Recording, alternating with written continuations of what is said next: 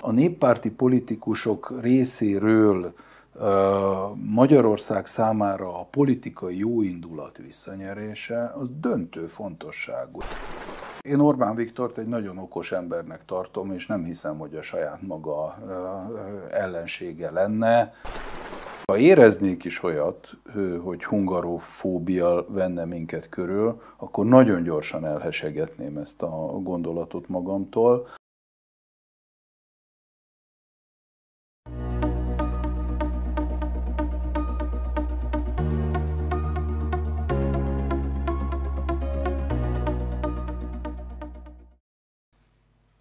Üdvözletem! Flaszterezni fogunk méghozzá két kedves vendéggel, Lukácsi Katalin, aki rég volt nálunk, hitoktató, mindig az van aládírva, nem? Hát igen, meg történész, de most jelenleg újságíró féleként dolgozom. Jó, és akkor így jöttél ide ma újságíróként, és Erkis Kornélia, aki meg lehet, hogy hitoktató. Sziasztok, és nem, nem vagyok hitoktató. Hát, Sok nincs, vagyok, nincs meg a szimetria. Ott hagytam az összes létező jegyzetemet, nagyon sokat készültem a mai műsorra, ebből így most, nem mintha műsorból lesz műsor, de ugye a jegyzetekből nem lett semmi, ezért fogom nyomkorászni a telefonomat, mielőtt kikapnék a kedves nézőktől. No. Mert hogy még az újság nem olyan, mint a Harry Potterben, hogy ott mozgó alapok vannak, hanem az egy telefon. Hát most nekem hiába mozogna egyébként, de jó, hogy mondod, tehát hogyha amit most a Csaba László grimaszolna, meg integetne, attól se lennék előrébb, mert akkor se lenne jegyzetem. Ám, de most legalább eszembe jutott, hogy itt mindjárt az elején ajánljam az új magyar hangot. Hát, mint azt mondtam, Csaba László van a címlapon, nem mozog. Van egy remek riportunk Green Balázs tollából, meg fotójával a Velencei tóról, hogy most épp mi a helyzet. Hát aki tavaly, tavaly, tavaly előtt járt arra, azért csuda dolgokat lehetett látni. Tehát amikor így gyalogolsz egy, nem tudom, negyed órát, és még mindig bokáig ér. Engem csőbe húzott egy fickó egyébként, hogy ó, ott már jó. Aha, feküdt. Feküdt a fickó, bementünk bokáig, ért, nem baj. Üm, aztán van még egy másik nagy interjúnk Arató Lászlóval, a Magyar Tanárok Egyesületének elnökével, és én még találtam itt egy nagyon-nagyon... Ezt te írtad? Igen, azt is, meg az Arató Lászlót is kivételesen. De ezt hagyd, én most én mondjam be a kamerába ezt a... Dobogósak a magyar férfiak a túlsúly bajnokságon. Azért a nők is az első um, helyek egyikén vannak, ha jól emlékszem, vagy legalábbis ott. Én magam is helyezésben. erősítettem egy időben ezt a dobogós helyezést. Van remény akkor. A 105-106 kilómmal, de ez már a múlt, és továbbra sem vagyok beteg. Mindig odaírják a kedves nézők, hogy ah, itt az áruló dévényi, de legalább szarul néz ki, ugye? Ilyeneket írnak. Igen. Na, még jó, hogy nem Hát ez az irítség beszél belőlük, ez olyan az, mint amikor én edzek, és akkor erről látják, és akkor ilyen, jaj, most már olyan vagy, mint a férfiak, mert csak azért ezt írják inkább, mert ahelyett azt írnak, hogy ó, én lusta vagyok elmenni futni. Bár nekem írnák azt, hogy olyan vagy már, mint a férfiak. nekem ezzel ellentétes dolgokat szoktak írni. Uh, és ez, hát komolyan. Szóval, hogy Albert Enikőnek van egy nagyon-nagyon érdekes cikke, a Havi 260 fixel az ember ritkán viccel címmel, hogyan lehet kijönni fiatal pedagógusként a havi fizetésből? Ezt járta körül. Hát úgy. Még éppen nem a létminimum. De Rengeteg fiatal pedagógus ilyen még a szüleivel például. Nem bírnak otthonról elindulni, mert 260 ezer forintból nagyon nehéz. Hát lassan egy albérlet se jön ki. Hát igen, és ilyenkor ugye lehetne azt mondani, hogy vegyék fel a csokot, csak hogy ugye, hogyha az ember kiszámolja, hogy ahhoz mekkora önerő kell, hogy egy megfelelő méretű lakást meg lehessen venni, akkor, akkor egészen megdöbben, és hát nekem van olyan ismerős párom, aki ö, közül mindkettő közszolgálatban dolgozik, a, a férj és a feleség is, és elmondták azt, hogy a banknak nagyon nem tetszettek, mikor oda mentek, mert azt mondták, hogy hát még a kettejük jövedelme is igencsak kevesecske, egy akkora mm, hitelhez, amit akartak, és hát ez kicsit megrázó volt számukra, mert mondták, hogy de hát mindketten felsőfokú végzettséggel rendelkezünk, és gyakorlatilag, mm, hát ha nem is tíz éve, de nyolc éve dolgozunk. Uh-huh. Szóval akkor miről is van szó? Hát sajnos ők mindketten ugye közalkalmazottak, és úgy látszik, hogy ez Magyarországon ezzel jár. Én meg láttam egy beszélgetést egy szintén fiatal pályakezdő pedagógussal, aki arról mesélt, és ez valami annyira megragad benne, mert, mert hogy én is kollégista voltam, és ez így átélhető volt számomra, hogy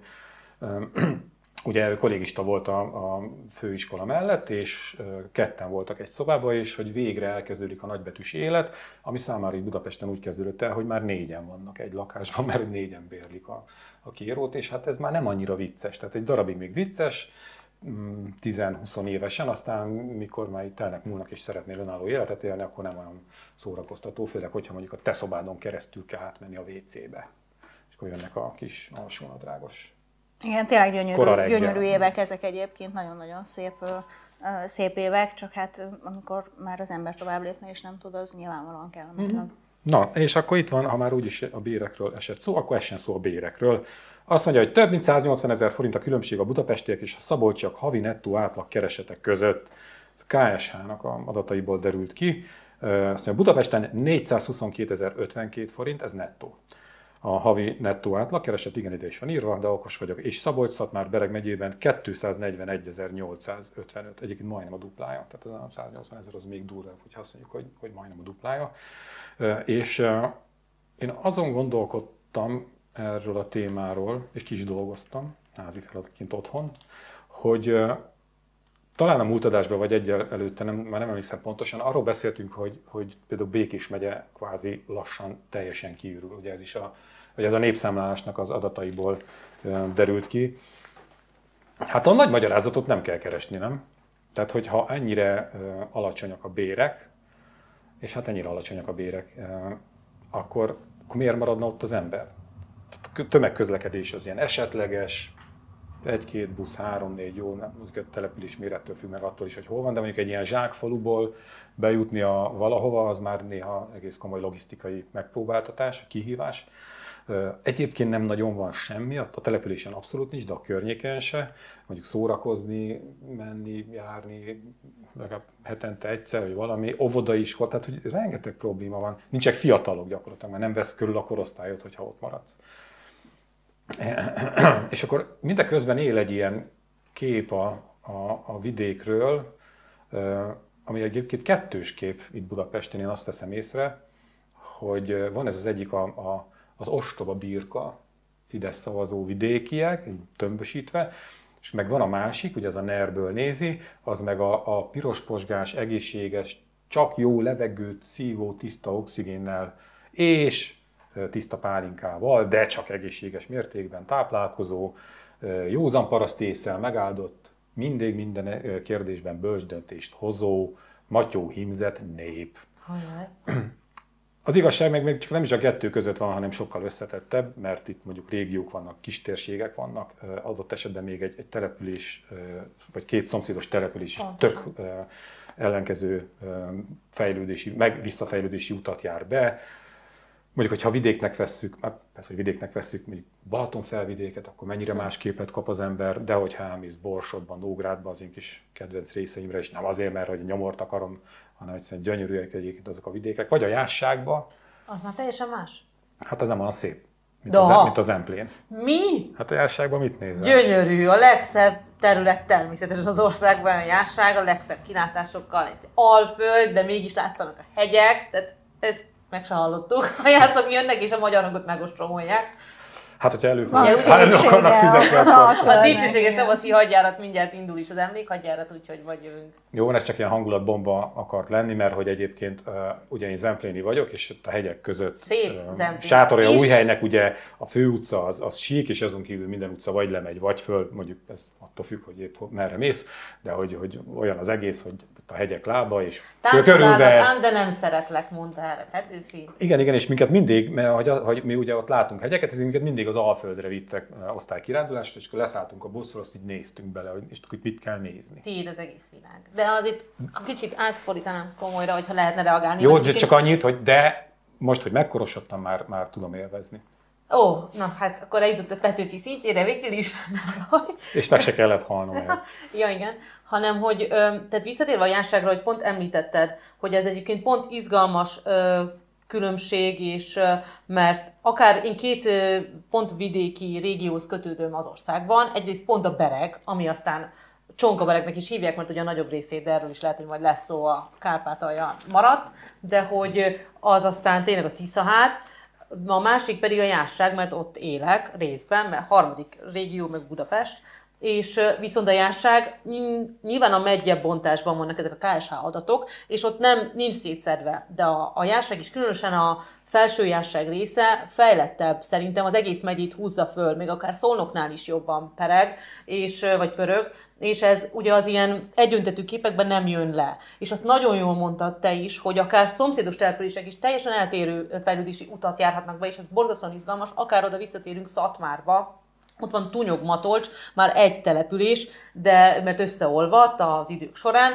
viszont Tunyog és Matolcsnak teljesen más volt a szociológiai térképe, vagy, vagy ön, önképe, meg alakulása. Az egyik egy ilyen módosabb, tehetősebb, bátrabb, én nem tudom, rendezettebb településképet öltött ki, és volt, míg a másik, sajnos most nem tudom, hogy melyik melyik, az egy kicsit lentebbről induló település volt, és ez borzasztóan izgalmas, és ezért rossz, amikor csak vidékizünk, vagy ilyen ö, buta sztereotípiákat használunk, akár pozitív vagy negatív irányban.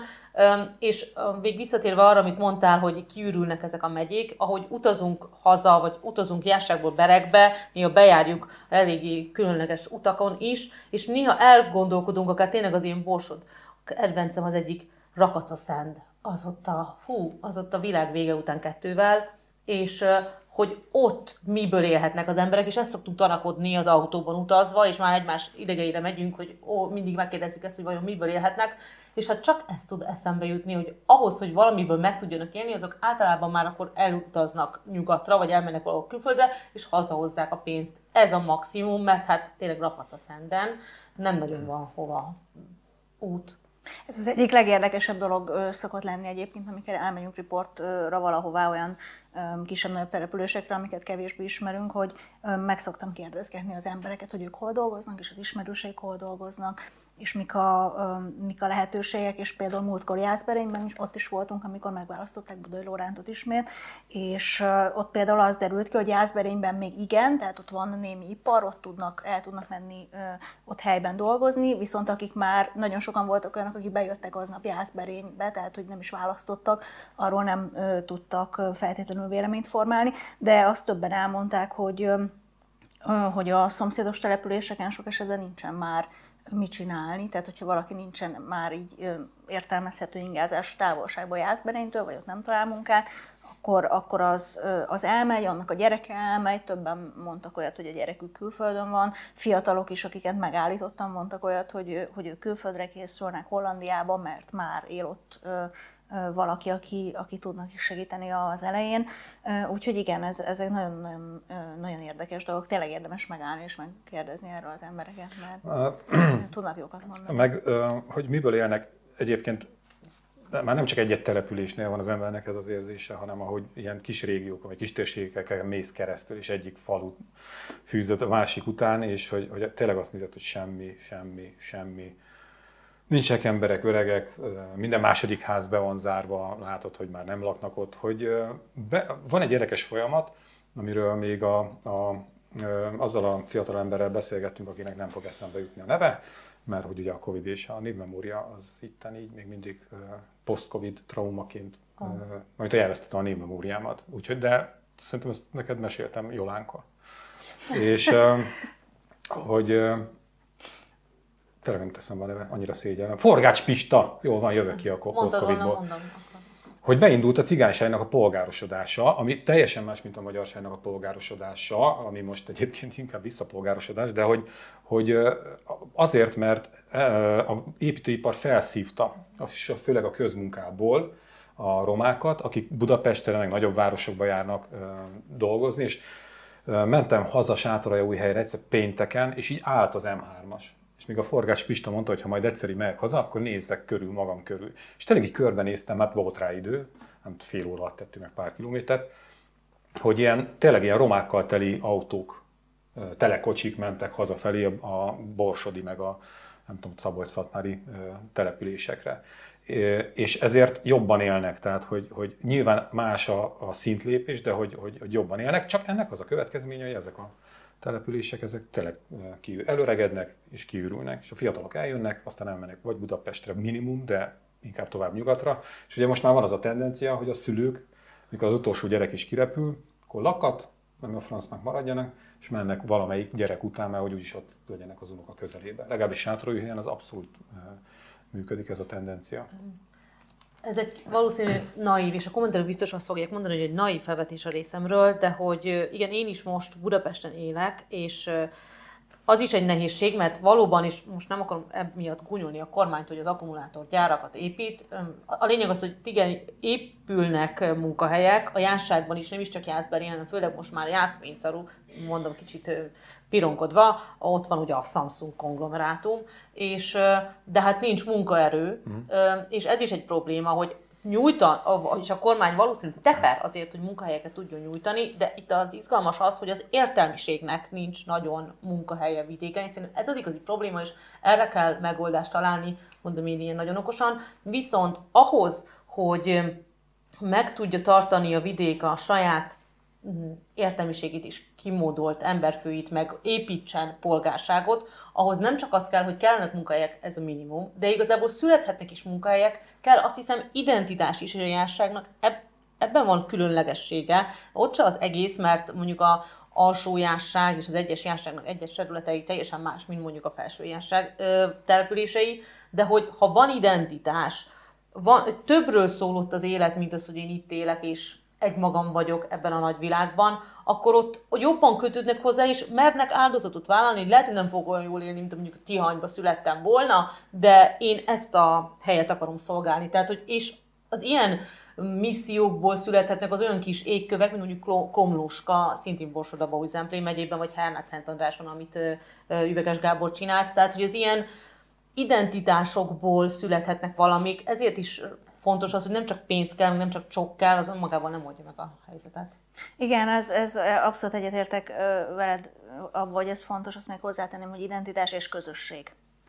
Tehát, hogy annak, annak óriás megtartó ereje lehet, ezzel együtt én azt gondolom, hogy nagyon megváltozott az élet, nem csak Magyarországon, hanem mindenhol Európában, tehát egyértelmű, hogy az emberek a, a városi életet preferálják sok esetben, nem feltétlenül szükségből, hanem, hanem azért is, mert, mert ez az életforma vált valamilyen értelemben vonzóvá, és azért picit nehézen gondolom azt, hogy, hogy persze adjunk valakinek egy zsákpénzt azért, hogy ő házi orvos legyen valamilyen eldugott kis településen, vagy hogy ott, ott tanítson, de, de nem biztos, hogy lesz annyi, még, még akkor sem biztos, hogyha ez megtörténne, hogy lenne annyi, annyi jelentkező, amennyi szükséges, de valóban szemléletformálással azért például el lehet érni dolgokat. Én beszéltem olyan pedagógussal, aki elmondta, hogy hogy ő tanított hátrányos helyzetű kis településen, és azt mondta, hogy a szakmai kihívás és az abból um, nyert sikerek, azok akkora hajtóerőt jelentettek számára, hogy, hogy ezért ő visszamenőleg is azt mondja, hogy érdemes csinálni.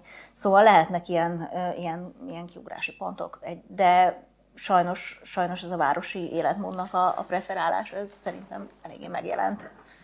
Nagyon izgalmas egyébként most, hogy a BBC-n egy olyan sorozat, onnan ismerem, mert anyukám beleszeretett, hogy, de ez nyilván ez már a fejlettebb régióknak egy szerintem trendje, hogy ilyen abszolút tehetős emberek kimennek a vadonba, Mongóliába, meg vesznek egy szigetet, nem tudom, ott a Latin Amerika tengerein, és akkor ott élnek, és ott monulnak el a civilizációtól. Hát tőlünk mondjuk nem kell ennyire messzire menni, mert tényleg valaki, egy nagyon kedves ismerősöm a Orgoványra költözött ki, hogy akkor ott fedezze fel a világot, tehát hogy nekünk itt a helyben is adott a vadon, és akkor lehet, hogy majd eljutunk oda egy szintre, hogy a Pozsonyi útról inkább kiköltöznek Gulácsra, egyébként gyönyörű település, mindenkinek ajánlom, és akkor ott próbálnak egy izgalmas, a világtól elzárt életet kezdeni. Uh-huh.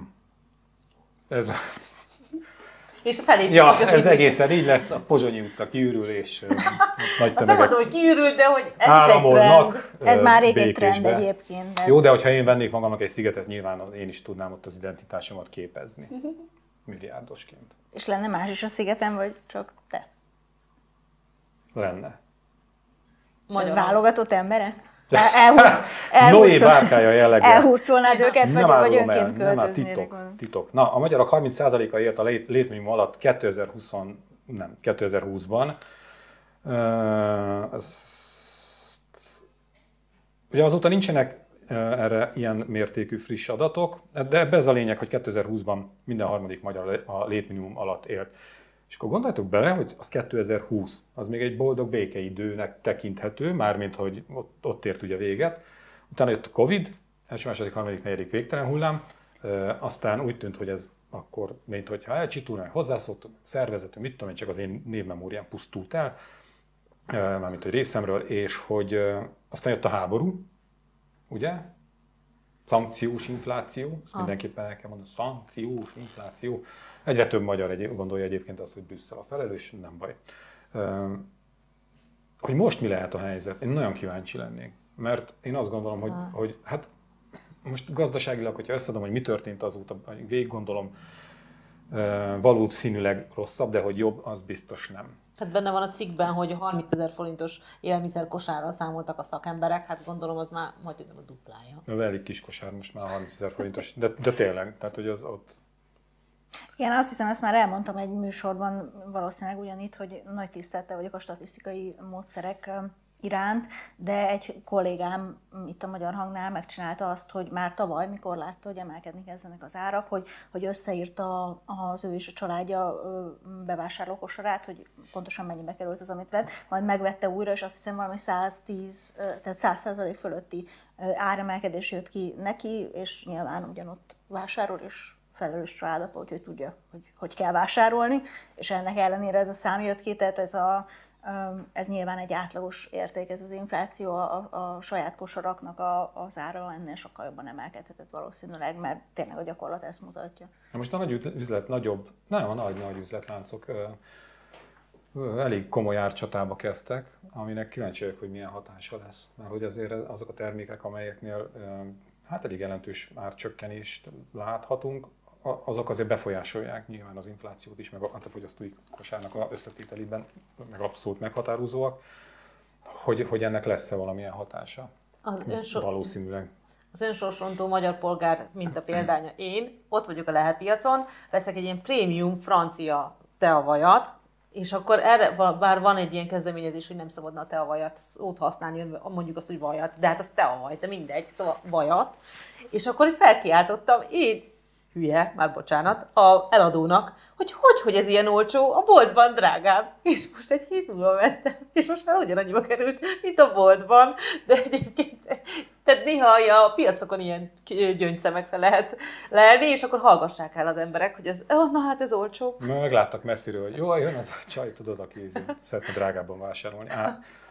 De ha csak annyit de, vissza, szeretnék, de komolyan visszatérve. Bocsánat, csak egy, egyet hogy azért mégiscsak nem tudom kibülni a bőremből, egy kicsit ne kritizáljam a kormányt, mert azért az a mondat megütött, és én nem tudom, nem értem, utána kéne járni, lehet, hogy hibásan a kormányra kenem meg erre a csalóka remény helyett a fortélyos félelemre, hogy mi az, hogy 2015 óta ezt a KSH a létminimumot nem közli, meg a szegénységet. Milyen alapon? Tehát ugye ez a történet... Megszűnt szegénység megszűnt. A... Ja, hát felszámoltuk. Tehát, hogy tényleg a Kádár rendszerben volt az, hogy nem szabad volt, vagy hát lenézték azokat, akik, meg nem beszélve a Horti rendszerről is, hogy aki a szociográfiát akart alkotni, meg írni, meg a szociológia az amúgy is ilyen gyanús tudományák volt, nem is mondjuk, hogy tudjuk kik voltak szociológusok általában, tehát, hogy most komolyan, tehát, hogy ilyenkor nem néznek tükörbe, hogy ez nem égő, hogy ez annyira magyarázhatatlan, hogy mi az, hogy 2015 óta a KSH ezt nem közli. Ez mindenki, ez köz, és ahhoz, hogy igazából felháborodjunk rajta és változtatni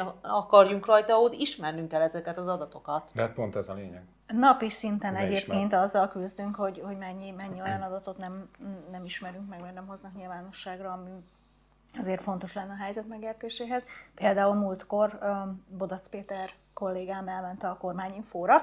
A kormányinfóra nem tud menni, de a kormányinfó előtt általában meg szokta várni a kancellária miniszter. Ez alkalommal is így történt, és arról érdeklődött, hogy miért vagyunk a, azt hiszem az OECD statisztikák szerint vezetők rákhalálozásban Európában, és amire a miniszter azt válaszolta, hogy felül kellene vizsgálni a statisztikát, mert az valószínűleg már nem jó. Hát, mint újságíró egyébként nagy érdeklődéssel várom azt, hogy mikor teszik közé azt a részletes vizsgálatot, amely alapján fölülvizsgálják ezt a statisztikát, és kiderül, hogy, hogy ez eltérte a valóságtól. Tényleg nagyon kíváncsi vagyok, mert ugyanis például azt a nagyon híres tanulmányt sem hozták, ha jól emlékszem, nyilvánosságra, ami arról szólt, hogy miért haltak meg Magyarországon annyian Covid-ban, pedig annak idején ugye az a bejelentés történt, hogy készült ilyen tanulmány. Szóval ezt válaszolt a kollégámnak Gulyás Gergely miniszterelnök vezető miniszter, ami kicsit úgy hangzott a nem túl szép magyar hagyománynak megfelelően, hogy nem a zsemle kicsi, hanem a pofátok nagy. Covid, meg a adatok. Nem tudom, figyelitek-e, de ha még egyáltalán szóba kerül a kormányzati nyilvánosság különféle felületein a téma, akkor már ilyen legendásan jól kezeltük a, a járványt. Tehát, hogy, hogy azért amikor még tartott a járvány, akkor azért még akkor sunnyogás volt, és ugye mi is benne voltunk a Magyar Hangabban a kezdeményezésben, hogy próbáltunk egyáltalán a kórházak közelébe kerülni, és hogy, hogy élőben riportokat készíteni, meg hát kórházi dolgozó, egészségügyi dolgozókkal beszélni. Nem nagyon sikerült, csak név nélkül nyilatkoztak, az meg persze jó, hát én tudom, ott ült velem szembe, én közítettem egy ilyen felhívást, nagyon sokan jelentkeztek, a főnővér, a Hú, majdnem mondtam, hogy melyik kórházból, nem abból, nem tudom mennyire csúszott ki, mert hogy benne volt a szerződésükben, hogy semmi, imádtam azt a pontot, semmi olyat nem mondhatnak, amit a főnökük később úgy ítél meg, hogy a titok kategóriába tartozott azért az dög, nem? Tehát, hogy igazából semmit nem mondhatsz gyakorlatilag, mert a főnök az bármikor de le sincs tiltva, mert szabad mindent, de aztán utána inkább nem mond semmit. Hát, de le is volt tiltva ráadásul. Tehát nem, nem lehetett, és ugye próbáltunk mi is, akkor a M1-et beengedték, az M1 ilyen mm. rózsaszín ködben úszó vészhelyzet jellegű riportokat készített.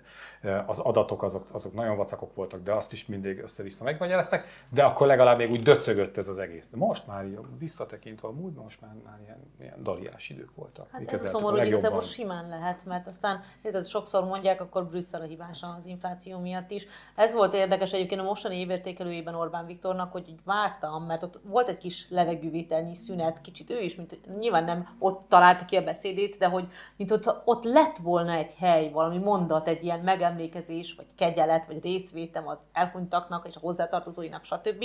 Ott lett volna egy olyan mondatnyi hely, de még ott se, két éve eltelt, és most már annyi, már három, annyi mindenkivel mással hadakozunk, tehát most már egy visszatekintve nyugodtan fejet hajtatott volna az áldozatok előtt, de még, még most sem.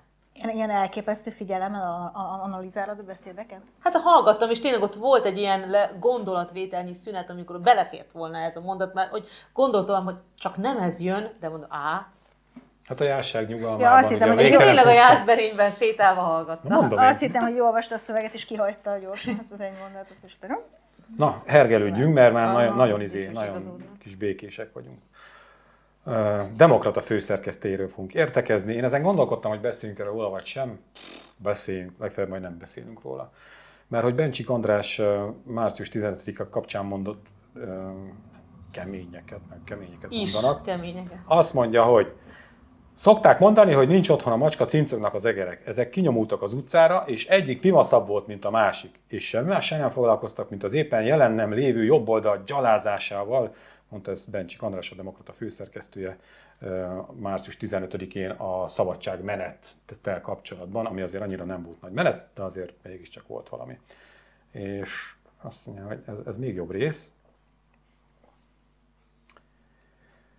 hogy ebből van tanulság a jobb oldal számára. Azt megfigyeltétek, hogy az, akárhányszor lehet kétharmad, meg már lassan négy-ötöd, de mindig rettegnek és mindig készülni kell, hogy, hogy most már nagyon-nagyon nagy veszély lesz. Hát rossz a lelki. Nem. Bencsik azt mondja, hogy nemzeti ünnepen ne menjen el mindenki vidékre, néhányan maradjanak Budapesten is, mert ezek a kis váborgarak kitódulnak az utcára, mert látják, hogy lehet.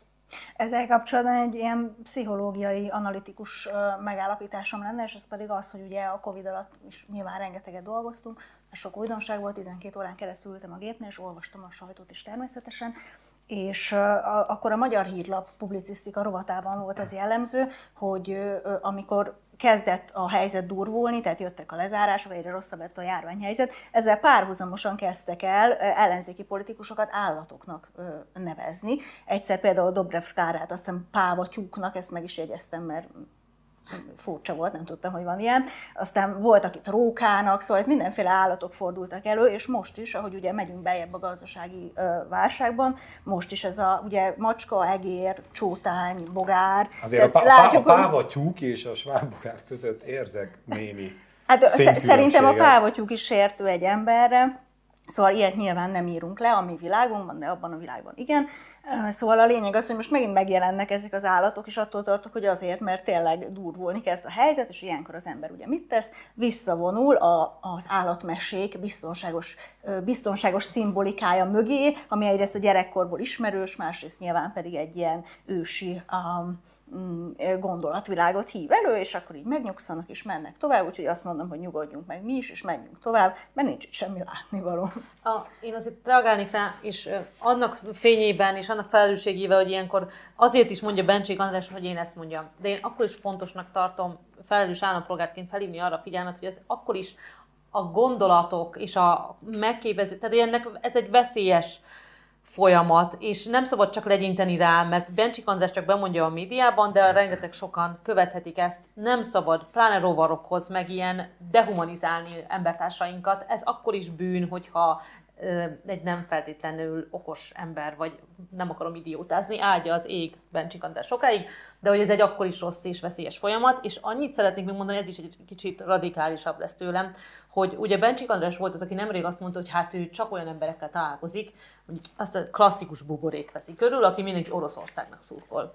És ott volt, voltam egy vita műsorban, amit utána Gajdi Csottó így kvázi mentegette magát, tehát hogy ott nyilván a vita hevében kellemetlenül érezte magát, tehát hogy ott helyben nem érezte magát annyira kellemetlennek, de hogy tehát nekem van az a vízió, ugye Bencsik András tudjuk, hogy 89 előtt is elég aktívan szolgált egy másik rendszert, úgy, ahogy most.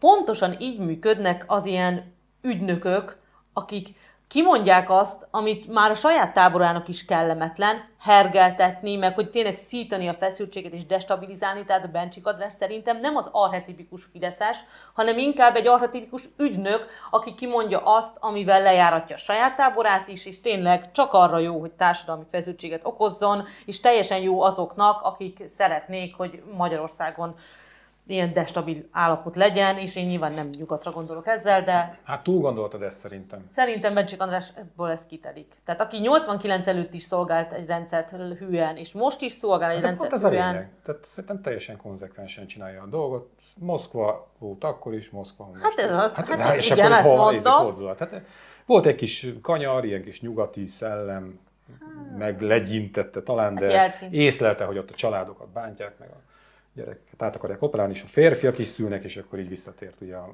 a, a alma máterbe bele. De egyébként nekem nem ez a durva ebben, a, a, ebben amit ő elmondott, hogy, hogy most ő csótányozik. Már sajnos már ilyesmi, azt így hozzászokik az ember, hanem, bár nem kéne, hanem ami, ami így benne van, ez a sugalmazás. Mert mit mond? Mit állít a költő? Azt mondja, hogy ne menjünk el Budapestről, mert kijönnek az utcára. Vagy, vagyis akkor mi van? Igen, Tehát, hogy ezen- és ezen a nemzeti, a nemzeti ünnepről van szó, könyörgöm. Tehát a nemzeti ünnepen ezek kijönnek az utcára. Ahogy merik. De ha mi ott vagyunk, akkor mi a pöcsöm lesz? Ma vagy bocsánat. Akkor Annyira nem akartam leszünk az utcán, és akkor arról is Akkor lesznek pofán képek. lesznek cseszve? Remélem, Vagy hogy mi? Meg lesznek fenyítve? Csak azért, mert ők másként ünneplik? A, ezért mondjuk nem volt ez jó ünnep sem, milyen szinten még Orbán volt a legjobb bizonyos szempontból, bár ugye abban meg az volt a trükk, hogy ő ilyen volt, amilyen. De hogy, hogy, hogy na érted? Tehát, hogy, Hát és, és, ráadásul- és, tudod, hogy ne, ne, nem ám, hogy kimondanák. Tehát, hogy, mert akkor legalább, hát figyelj, ha már ilyen, akkor álljon be és mondja azt, hogy öcsém, engem olyan módon irritált ez a 316 sorosista lipsi felvonuló, hogyha én ott vagyok, és legközelebb legyünk ott, azt egy kicsit izé ijesszünk rájuk, öcsém.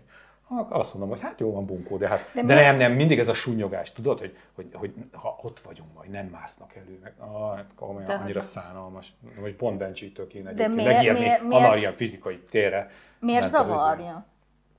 Miért? Mert Bencsik. De hogy, szóval a, Vagy csak teljes, azt mondja, hogy zavarja?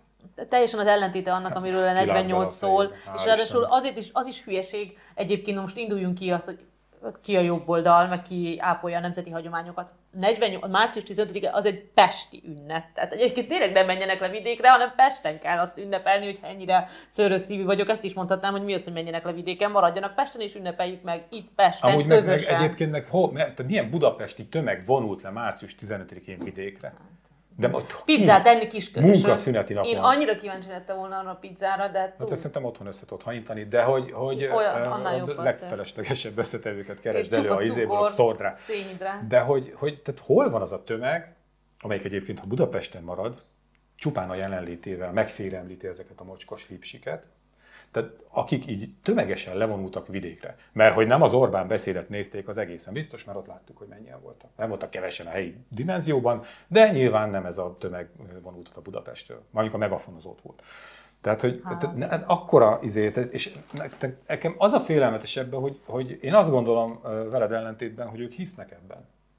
Tehát a Bencsik ezt ugye elhiszi igen. magának, Bencsik. hogy, hogy a, a, a liberális tömegszerű még, majd ugye még csak az se, hogy, hogy pofátlankodik a budapesti utcákon, is ez veszélyes. De én azt mondom, hogy ez egy rossz sztereotípiát, vagy van, tehát vannak nyilván, tehát a, most ha szabad kicsit sztereotíp módon, tehát nyilván ellenségesen vagy idegenen viszonyulnak a, a nem fideszes emberekhez, a nagyon-nagyon fideszesek, de hogy a törzsgárda nem ilyen rossz indulatú, és persze, nem ilyen gonosz, persze. és azért mondom, hogy Bencsik András ilyen ügynök jellegűen nyilatkozik, mert ez a nagyon túlzóan de, negatív. De, de, de, kinek ő és ezáltal de, te, melyik, ezt... melyik globál hatalomnak ő az ügynöke? Most, most itt ez lényegtelen, hát nyilván a Moszkvára gondolnék, de hogy itt most arra egyszerűsíteném le, hogy itt túl démonizálódnak ezáltal a fideszesek, mert jaj, az, Bencsik azt gondolja, hogy, és akkor ez a fideszes gondolat. De azért én abban bízom, és szerintem azért így van, hogy ennyire sötéten azért nem gondolják, Bencsik András beszél ilyen sötéten. Ebben köztünk vita nem lesz, persze. Tehát most róla tudunk beszélni, most a úgymond átlag választó polgáról, amilyenek mink magunk is vagyunk, és talán nem tudunk így beszélni, mert az ő gondolaték nem jutnak el. Én se ezt tapasztalom természetesen, hogy, hogy azért pofán akarnának vágni pusztán azért, mert hogy mit tudom én, mit csak március 15-én. Um, nem akarsz hőbörögni velünk? De, én szívesen hőbörgök veletek. Nyilván egyrészt ilyet tényleg nem lehet mondani, még akkor is, ha én amúgy láttam benne lát, lát, lát, tudom látni a humoros oldalát, tehát Na. Nem, néha megengedem magamnak, hogy ezt ne vegyem komolyan, de nyilván Na. az zajlik nagyon De mondja a humoros részt, mert... Bocsánat, ez a mikrofonom volt. Nagyon, nagyon régóta az zajlik nyilván, hogy, hogy a, hát a társadalom egymás ellen fordítása. És, és nyilván ez az egész hangvétel, meg ezek a szélsőséges üzenetek, ezek, ezek ennek eszközei amiről tényleg az előbb is elhangzott, hogy igazából valószínűleg a saját tábor is egy jelentős rész is kellemetlenül érzi magát az a baj, tőle, hogy, ja. de semmi baj, mert így, így, így fönn lehet tartani ezt az ellentétet. Tehát egészen borzasztó. Persze a megosztottságról arról nagyon régen beszélnek, hosszú időre nyúlik vissza, de, de ez egészen elképesztő méreteket ölt most. Az a baj, hogy én a áruló múltamból kifolyólag ismerem ezt a közeget, hogy ilyenkor az van, hogy így meg, megveregetik egymás vállán. Jól oda Hát István, hogyha valaki csótájnak nevezel, én nem fogom a válladat megveregetni. Mondom ezt a közeget. De hogy ez a szomorú, és ezt... Csak mondom, hogy nem. Jól van, na. Tudsz, tudsz, olyan, nem jutott. tudsz olyan embereket találni, akire rászóltam meg. Eszembe nem jutott. Nem, hogy, hogy, bocsánat, csak hogy, hogy, tehát, hogy, és ezt már elmondtam egy párszor, de ez egy ilyen lefelé tartó, mint a tornádó, csak fordítva, ja nem? Pont olyan fordított tornádó, azt most így hirtelen Örvény, örvény, igen. Egy, egy, egy, egy ilyen fagyi tölcsér, na mindegy, az nagyon hülyén néz ki. Fordított tornádó, biztos van ilyen. Ebben nem menjünk be. Jamie és a csodalámpában. Tuti volt abban minden wow. Abban volt egy csomó örültség. Szóval ez egy olyan spirál, ami így húzza le az embereket, mert hogyha a Bencsik azt mondta, hogy a csótányok és pofán kell baszni őket, nem ezt mondta, csak utat rá, akkor a következő műsorban én majd azt mondom, hogy szívlapáttal kell megoldani. Ah. És akkor, hú, De ez az, hogy Bencsiket igazából nem nagyon mm, szárnyalják tovább. Tehát néha van, tehát azt mondom, hogy mindig Bencsik a legalja. Tehát erre akarok így ki mm, pedzeni, ezt akarom pedzeni. Miért nem ezzel kezdted, akkor már rég mehetnénk a következő témára. De, de hogy, a, tehát, hogy én azt gondolom, hogy amikor én is benne voltam... Áldja meg az Isten, vagy mi volt az á, Áldja meg az ég, igen, de hát az Isten is ugyanaz. Tehát szóval a lényeg, én is benne voltam, és um, tehát emlékszem arra, hogy azért vannak más tendenciák is, és ez egy érzékeny egyensúly, hogy mikor melyik kerekedik felül, mert ott is vannak olyanok, akik ez nem szeretik, ez nekik nem komfortos, és hogy jó, vannak ilyen vannak ezek a megmondó emberek, de hogy mi azért nem így is, az egyéni bátorságon, és az egyéni ítoszon, és az egyéni identitáson, de hát a Fidesz milyen identitást épít, múlik, hogy sikkese azt mondani a Bencsing Andrásnak, hogy na figyelj, ez már túlzás, mert hogy a ellenzéken belül nem mindegyik szegmensében, de megépült az, hogy nem illik a fideszeseket együntetűen elítélni. Vannak olyan közegek az ellenzéken belül, ahol sótányozzák a fideszeseket is, de alapvetően ilyen műsorokban, akár szerintem az ötben, vagy más számos műsorban, ahol ellenzéki Hat. okos tojások osztják az észt, most magamat is belegondolom, ott nem illik például a fideszeseket se csótányozni, de még hülyézni se. De Hát nem ott nem illik, hanem nem illik. Egyáltalán. És Alapvetően eb- ebben az nyilván. univerzumban ez nem megy. Én nem is gondoltam a Bencsiket kivetíteni a Fidesz táborra, mert hát hogy a fenébe, rengeteg Fideszes ismerősöm van, mivel én magam is, ugye? És hogy persze nem, nem, nem így működik, hál' Istennek a világ, de hát ők vannak a reflektorfényben, de abban egyébként teljesen egyetértek, hogy Bencsik ő mm, mondjuk ebben a fordított top fordított dobogón, ha már a tornádó is össze-vissza pörgött, akkor azért ott, ott van a, a top 3-ba. De olyan nem lesz, hogy azt mondják neki, hogy USM kellett volna. Hát- Tudod, milyen van? Ilyenkor azt, hogy tudod, lemegy a műsor, és akkor utána azt mondják a stáb, meg hogy ú, azért az a csávó nagyon gáz. Fú, azért ez kínos volt, amit mondott. Kicsit kiröhögik a háta mögött, azt jó van. És ez az, hogy a háta mögött is, de hogy még azt akarom hozzátenni, hogy ne, én ezzel nem azt akartam mondani, hogy jaj, az ellenzéki közegben nem uh, hülyézni a fideszeseket, mert mint mondtam, vannak olyan közegei az ellenzéknek, ahol akár még sik is. Másrészt ezzel nem azt akartam mondani, hogy az ellenzék szent, hanem hogy éppen ez megépült, de számos hülyeséget is csinál az ellenzék, ami szintén megépült, tehát most ezzel nem azt akartam mondani, hanem éppen ez a fajta narratíva nálunk nem megy. Végülis mindig a felszínhangos, tehát hogy, hogy akik És hallgatom én. ott nyomulnak. Hát igen, igen, és a, a, ugye az ember hajlamos mondjuk a ilyen-olyan olyan hozzászólások, kommentek, amit ő kapja meg ilyen-olyan üzenetek alapján, ha nem is ítélkezni, de azért ugye elgondolkodik, hogy milyen lehet a világ, hogyha te ilyen üzeneteket kapsz, meg így szólnak hozzá teljesen ismeretlen emberek. Nagyon rosszul tud esni, nem hiszem el, hogy bárki ezt tudná jól kezelni, ha valaki tudja, akkor majd hívjon fel telefonon, és akkor árulja el a titkot. Tényleg tudja viselni az embert az, hogyha bánták. A kommentelők. Igen, igen, igen. Mert élő emberek, tehát hogy nem, nem azt látod, hogy nem, nem, tehát nem, nem személytelen dolog, hanem élő emberek oda jönnek és elküldenek a büdös mm, akárhova, meg így, meg úgy, meg ilyen hülye, vagy meg olyan, hogy mit tudom, bármi.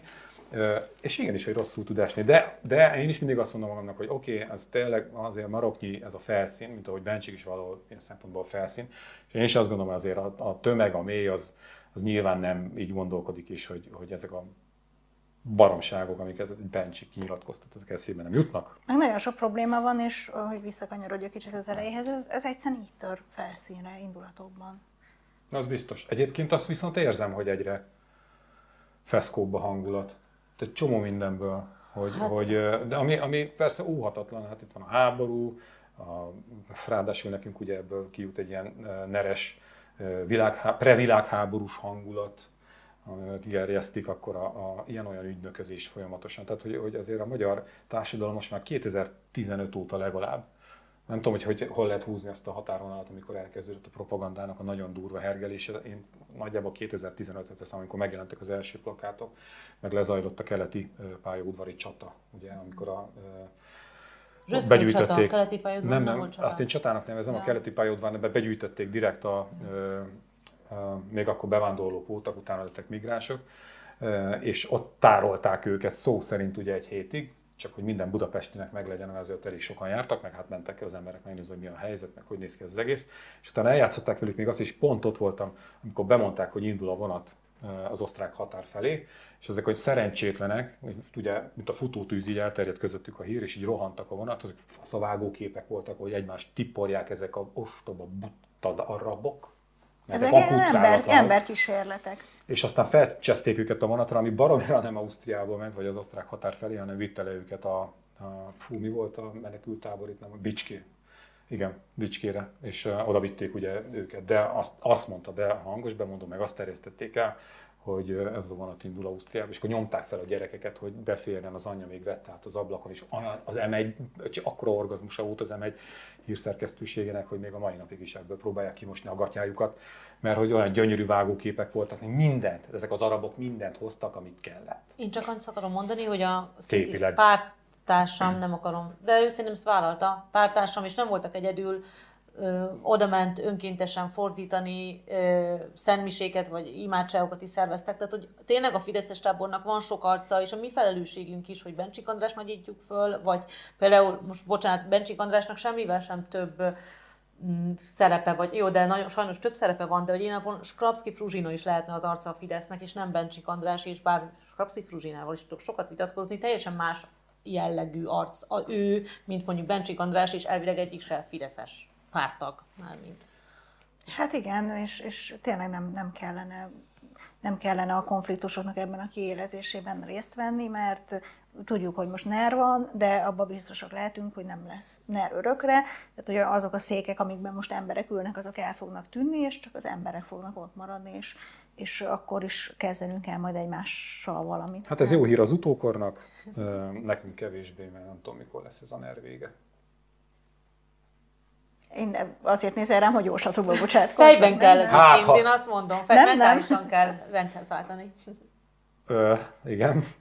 Hát ez ment, tehát a hatalom az egy mentális konstrukció, tehát először nem a törvény az csak annak a megtestesülése, vagy kivít. Ja, de én csak bolyongok a ner már mint hogy az én, én életemet nem határozza meg hát, a, a NER annyira. Hát foglalkozom vele, bizonyos Azért szempontból nem öröm. Hát persze, hogy hat, hiszen a hétköznap. Én egyébként a társadalmat sajnálom, meg az országot Aminek sajnálom, mert amit látok, hogy, hogy, hogy, hogy alakulnak a dolgok, ha már vidékről beszéltünk. Hát a, én most visszamentem egy-két településre, ahol jártam pár évvel ezelőtt, és szemmel látható a, a pusztulat. De még az őrségbe is basszus. Tehát hogy nekem az a durva, hogy olyan helyen, ami, a, hú, azt mondod őrség, és akkor, akkor hát dobban a magyarok szíve, hogy beszarsz. Ja, persze, csak a valóság az meg nagyon nem olyan, mint ahogy, és mert már ők is kínlódnak, és már nincs idegenforgalom, és nincs kitalálva, és a közösségek, a falvak ott is kiürülnek, üres házakat, romos házakat találsz, nagyon elkeserítő tud lenni, hogyha visszamész egy-két helyre. Az a szomorú, hogyha meghallgatod Gyopáros Alpárt, aki a Magyar Falu Program felelőse a Fideszben, meg, meg a, tényleg én ugye nap mint nap olvasom munkámból kifolyólag Kálai Mária, a legédesebb fideszes politikusok egyike szerintem, ő tényleg az a tipikusan naivan, együgyűen, pozitívan próbálom nevezni őt, elhiszi az egészet, és olyan lelkesen építőköve a Fidesznek. Tehát amikor amilyen anyukám lehetett, csak ő nem vált a politikai karriert az előző rendszernek. Tehát a Kálai Mária is olyan édes bogár ebből a szempontból. Tehát ha őket nézed és olvasod, akkor ez tényleg egy alternatív világ. Tehát számukra az elmúlt nyolc év, ami már elég régen elmúlt, az a rombolás, az a fúj, és most meg épül a vidék, a falu meg van mentve, és Jó, megtartunk. De, de most és, én, hm? tehát én utálom ezt a, a Budapestről, mit látnak, de ők tényleg mit látnak? Hát ül az irodájába, aláírja az ilyen olyan, olyan az izét, uh, igen, meg, a, meg ha meghívják, akkor a asszonykórus körbeöleli, és akkor Pogácsa meg Vörösbor. A fenét Pogácsa az nem is annyira jó. Ha bár a de függ, finom. Függ. Oh, nem, én inkább fehér borra gondoltam, most eszembe jutott, hogy a régi szép időkben, ja. amikor még ettem olyanokat, akkor pogácsa, babgulyással, vörösborral, az remek de hogy, hogy, hogy, hogy, hogy ő egy ilyen skanzenban van, amikor lemegy úgymond vidékre, egyébként meg írja alá a programokat, hát, hogy ennyi millió, annyi millió, vidéken. csak közben a üzé kiépült, vagy hogy is mondjam, a kiürülő, kihaló faluba van wifi. Hát a másik, meg, másik meg az, hogy, hogy nyilvánvalóan azért ő is ismeri a statisztikákat, és, és itt a, a kelet-magyarországi helyzetek kapcsolatban mindenképpen akartam mondani azt, mert szerintem fontos, hogy ugye a kormányfő úgy nyilatkozott, hogy, hogy szükség lesz több munkaerőre, és, és kelet-magyarországon a, a, a tartalék, a munkaerő tartalék, tehát nem vendégmunkásokkal akarják ezt megoldani, bár már most is rengeteg vendégmunkás dolgozik nagy ipari üzemekben, hanem ugye a munkaerő tartalékot kell mozgósítani, és hát ugye ennek a tartaléknak a, a mozgósítása az, az egyelőre nagyon sok akadályba ütközik, például, hogy betegek vagyunk, az egészségben eltöltött életünk, életéveink száma rendkívül alacsony, a, a, a mentális egészségünk nincsen rendben, tehát hogy sajnos, sajnos ezzel a társadalomban a rákhalálozás magas, elhízás, ban különböző ilyen bajnoki helyeket sikerül megcsípnünk. Én beletettem a magam mínusz 30 kilóját. És az oktatás, amiről pedig megmondják mind a gazdasági azaz, szereplők, azaz. mind pedig a szakemberek, hogy az nem, nem igazán alkalmas arra, amire való lenne a 21. században. Tehát, hogy ilyen körülmények Meg a között... Igen, tehát nem is értem, hogy, a, hogy, hogy akkor az elmúlt 12 évben mi történt, hogy, hogyha ezt a tartalékot most kellene kiaknázni, de a, a tartaléknak a, a jólétéről ugye nem, nem feltétlenül sikerült úgy, úgy gondoskodni, hogy ez a statisztikáknak mondjuk a javulásában érzékelhető legyen, vagy, vagy szemmel látható változásokban ölcsöntestet mondjuk az oktatási rendszerben. Az agyanom, hogy ennek a tartaléknak még az őseinél is vágottabb lesz a szeme, és nem nagyon fogjuk megérteni, hogy mit mondanak. Nagy Magyarország témája fog következni. Hát ott egy kicsit elvesztettem a fonalat, megmondom őszintén, amikor elkezdtem így ennek a tegnap előtti napnak a eseményeit követni hogy azt mondta az, a Magyar Labdarúgó Szövetség, hogy minden frankó, mert az UEFA engedélyezte az Árpád sávos jelképek, illetve a Nagy Magyarország, mint embléma, szimbólum, térkép, stadionokban való szurkolói használatát. amire jött a Román Labdarúgó Szövetség, és azt mondta, hogy ez baromira nem így van, amire jött az UEFA, és ő is, ő is azt mondta, hogy ez nem így van, de most megint mondott valamit az MLS, hogy de egyébként meg valami. Úgyhogy szerintem ez nem olyan érdekes, én azt gondolom, de hogyha szeretnétek erről beszélni, akkor nyugodtan. Én azon agyaltam itt folyamatosan, hogy, hogy a Nagy Magyarország, mint térképből, vagy hát az hülyeség, szóval mint szimbólummá lett történelmi képződmény, na, az kb. leírja, az, az bántó vagy nem bántó? Az hát betiltandó vagy nem tiltandó be? Lehet-e tolerálni, vagy kell-e tolerálni, vagy pedig büntetni kell, vagy tiltani kell? Én ebben lehet, hogy öm, magán véleményen leszek, meg kicsit azért én is vívódom ezzel kapcsolatban, mert alapvetően az emberbarát és humánus hozzáállást szeretem, és egyébként én nagyon vágyom a Közép-Európa népeinek kibékülésére és kiengesztelődésére, ami ez egy ellentétes folyamat, de és kicsit bántó leszek a foci ultráinkkal kapcsolatban, mert azt fogom mondani, hogy ez lehet, kicsit bonyolultabb lesz az érvelésem, amit lehet, hogy foci ultrák nem értik meg, de hogy... Ne legyünk előítélve. Ah, pont ezt akartam mondani. De hogy, mert hogy azt mondom, hogy ugye az MLS úgy érvel ne, vagy elvileg úgy érvel, ha nem katalgét készül itt újra, tehát úgy érvel az MLS, hogy át ez csak egy szimbólum, ennek semmi jelentősége nincsen, ez csak egy térkép, ez nem szabadna, hogy sértse senki, tehát ez mese, stb. Hát ha én egy öntudatos revizionista vagyok, meg egyébként én magyar királyság, tehát legitimista vagyok, de mondjuk azt nem feltétlenül kell tartozik a revizionizmushoz, de most ezt engedjük el, akkor én nem úgy érvelek, hogy ez egy mese. Nem, igen, ez egy komoly dolog, és legyen betiltva, mert ez mutatja, hogy ennek van jelentőség, és nem elégiesítem, hogy ó, mi erről már lemondtunk, nekünk már nem kell Erdély, azt se tudjuk, hol van, meg stb., hanem ó, ez csak egy szimbólum. Tehát ilyen szempontból, hogyha én nagy magyar vagyok, akkor kikérem magamnak, hogy igenis, féljenek ettől a románok. Szóval ezt így is meg lehetne közelíteni, de... De akkor ez egy, ha te ultra lennél, akkor neked win-win helyzet, nem? Mert hogyha engedik, akkor lobogtatod, ha nem, akkor meg neked volt igazad, és akkor kemények vagyunk. Ha jól fordítottam Csak hát az le. szerintem nem fogják fel, hogy most Na jó, de bántó ez, de, de most tényleg. De egyébként én... nyilván egy románnak, egy szlovák, szlovák érted, a Szlovákia nincsen, Horvátország nincsen, csak Nagy Magyarországban. Hogyha én, mert én legitimistaként közelítem meg, akkor ez nem feltétlenül jelentene a Nagy Magyarország egy nemzetállamot, hanem ott elférnének több nemzetek is, is önálló miniszterelnökök, stb. Tehát egy, egy igazán jól működő unióként is képzelhetnénk el Nagy Magyarországot. Nyilván az útrák nem így közelítik meg, meg nem ilyen árnyaltan, de hogy alapvetően ez nyilván, hogy sértő. Tehát egy román tól még egy mérsékelt román is hogy ne sértődne meg, hogy ott a félországa kiszakították.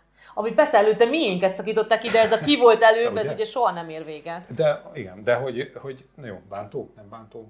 Én azt nem értem, hogy akkor mi, mi a politika? Tehát, hogy tudom, hogy ez így egy nagyon általános kérdésnek hangzik, Igen. de mindjárt elmondom, hogy hogy értettem.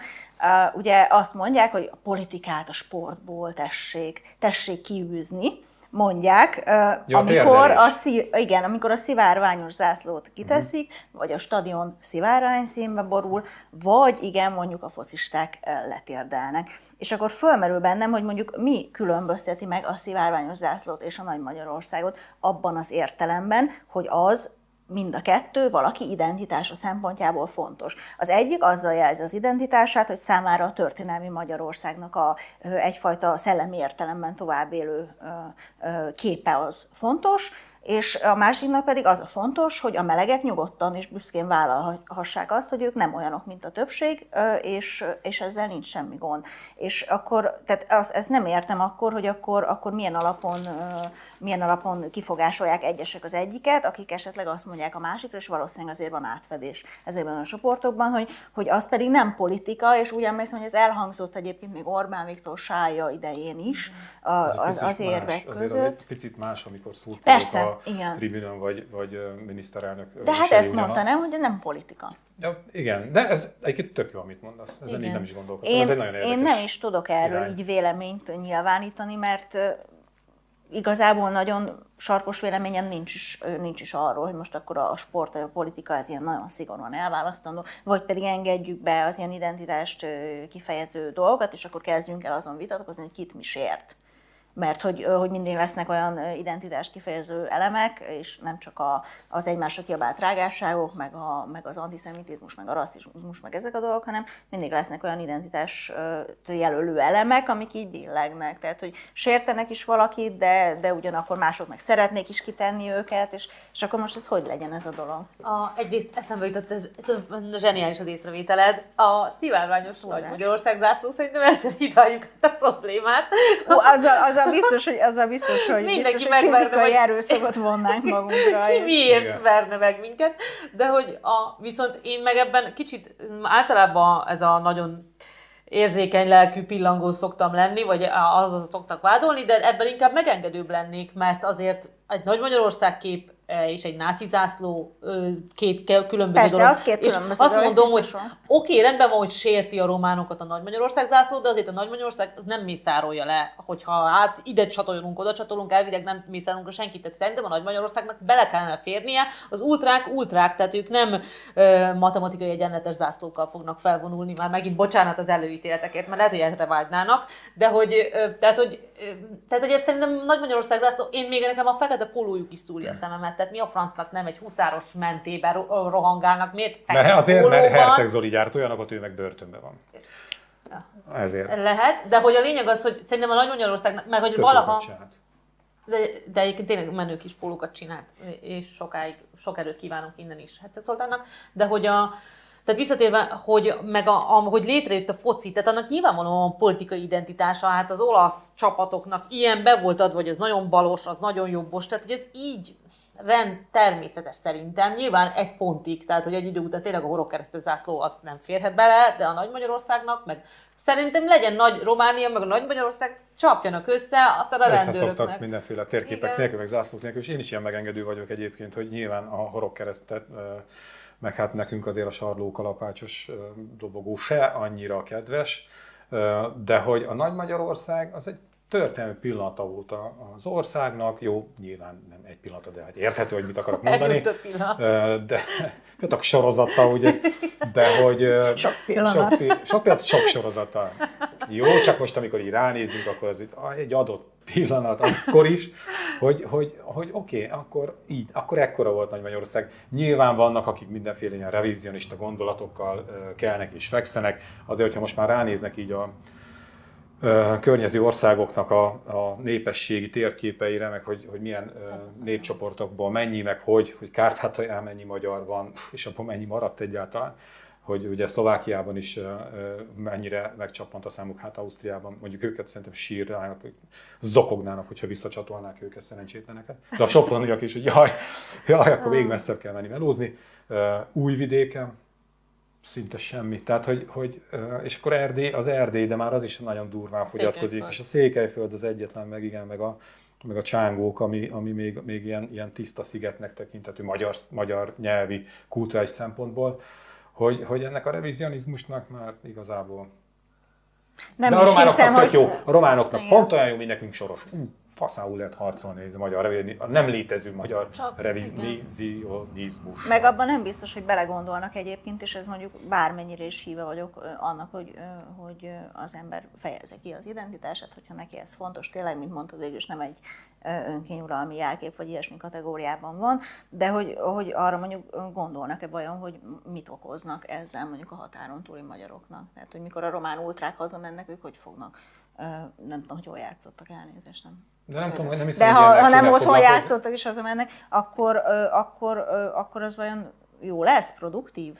Csak ez meg, meg nagyon, é- tehát hogy, hogy ez a, én ezt azért nem szeretem ezt a fajta gondolkodást, mert hogy ebben meg mindig ez a, ez a proaktív visszavonulás van. Tehát, hogy, hogy azon agyalok, hogy majd, ha én egyébként valami olyat teszek, ami mondjuk nem annyira bántó az én dimenziómban, az majd mit okozok valahol távol majd a valak. Tehát, hogy, hogy, Hát ö, szerintem meg ez a, a, az emberek föld bolygón történő együttélésének egy nagyon fontos feltétele, hogy az ember néha gondolkodjon azon, hogy amit cselekszik, azzal milyen közvetlen és közvetett következményeket okoz a más létezőkkel való kapcsolata során. Tehát igen, csak, igen ezt csak ha mindig, gondolom. én is fontosnak gondolom, csak hogyha mindig minden, és most nem a hétköznapi tetteidet, mert nyilván abban én is így élek, hogy, hogy azért figyelembe veszem Nem, nem, nem úgy értem, hogy nem. Mi az, hogy hát?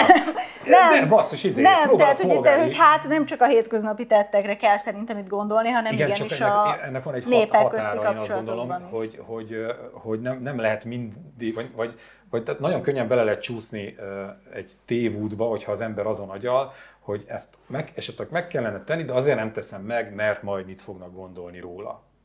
Hát a di- diplomáciának is vannak ilyen elemei szerintem, tehát nem, Ez nem velem ördögtől- beszél, de Szijjártó nem, nem ördögtől való a dolog egyáltalán. Én De ehhez- értem, amit mondasz, csak nem, én azt nem tudom jól elmondani. Mármint, hogy ö, én De én is értem, mit mondasz, és persze, true, tehát hogy nem lehet teljesen feladni. mondd el nekem. Hogy ez nagyon, nagyon izgalmas, ez a, egyébként igen, a, én is hallottam belülről, ugye én nemzetpolitikai munkacsoport is volt a KDNP ifjúsági szervezetében, és mindig ezen hőbörögtek, hogy jaj, és ezen röhögtek, hogy jaj, majd ezt fogják kapni válaszul, hogy jó, és te meg hazamész, és a többiek ott maradnak. Tehát hogy tényleg ez annyira megépült már, hogy ezen gúnyolódnak ezen az érvelésen, ugyanakkor teljesen jogos, és mert hogy arra hívja fel a figyelmet, hogy ezek az ultrák, azok magukról beszélnek, meg a saját vágyaikról beszélnek, amikor Nagy Magyarország képet nem az, hazudhatják, de alapvetően nem a székelyekért aggódnak, meg a felvidéki magyarok sorsát akarják felemelni, hanem csak van bennük egy frusztráció, így élik ki. És ez az ilyen problémafelvetés rávilágítja azt, hogy nekik tényleg a külhoni magyarok lennének a legfontosabbak, akkor okosabban cselekednének, csak hogy ez általában nem erről szól, hogy visszacsatoljuk Magyarul a fél Erdélyt, vagy egész Erdélyt, meg a fél Kárpát-medencét, hanem hogy én most megmutatom, mekkora fasz a gyerek vagyok. Ez általában leegyszerűsítve erről szól. És ez igaz, tehát hogyha őszinte lenne magához egy ultra, akkor ezt bevallaná magának, és egyszerűbb dolgunk lenne. De hogy um, még csak annyit akarnék hozzátenni ez a Az kérdés. ember az ilyesmit nehezen vallja be magának, akkor is, ha nem ultra. Egyébként igen, Ez a nyilván, helyzet. ez, és a, nyilván én is az ilyen gy- gyarlóságaimat, de hogy még csak annyit akarnék hozzátenni, hogy általában, amikor ilyen betegessé válik, ö, ilyen gócpontjai vannak egy társadalomnak, azt ritkán lehet pont a gócpontnál ö, kezelni. Lehetnek ilyen szépségtapasztok, hogy akkor kitiltjuk, meg nem lehet, meg stb., hanem hogy az egész társadalom békésebb lesz. A szorongás csökken, a társfüggőség, amiből fakad az összes alkoholizmus, meg mindenféle problémák csökken egy társadalomban, akkor ezek is csökkennek és alább maradnak, csak hát ez egy hosszú távú stratégia kell hozzá. Ez olyan volt, mint egy tévés távgyógyítás. Emelt, emelt, szá, emelt, vagy emelt díjas telefonszámon Igen. lehet hívni Lukácsi Katalint és megint. Oké, okay. köszi szépen a beszélgetést. Még egyszer itt a, nem még egyszer itt a, itt a magyar hang. És itt van Csaba Én László. Csaba Lászlót bírom egyébként. Jókat szokott Hú, ez mondani, most nagyon úgyhogy érdekes lesz ez a interjú, ugye most a válság miatt minden közgáz nagyon érdekes. De nekem egyébként nagyon tetszik ez a végi karikatúra, ez olyan cuki. De ne lőd le meg kell venni. Vedd meg, igen, mert van benne egy nagyon cuki figura, aki való életben kevésbé cuki. köszi a beszélgetést. Mi köszönjük És nagyon szépen. köszönjük szépen a figyelmet.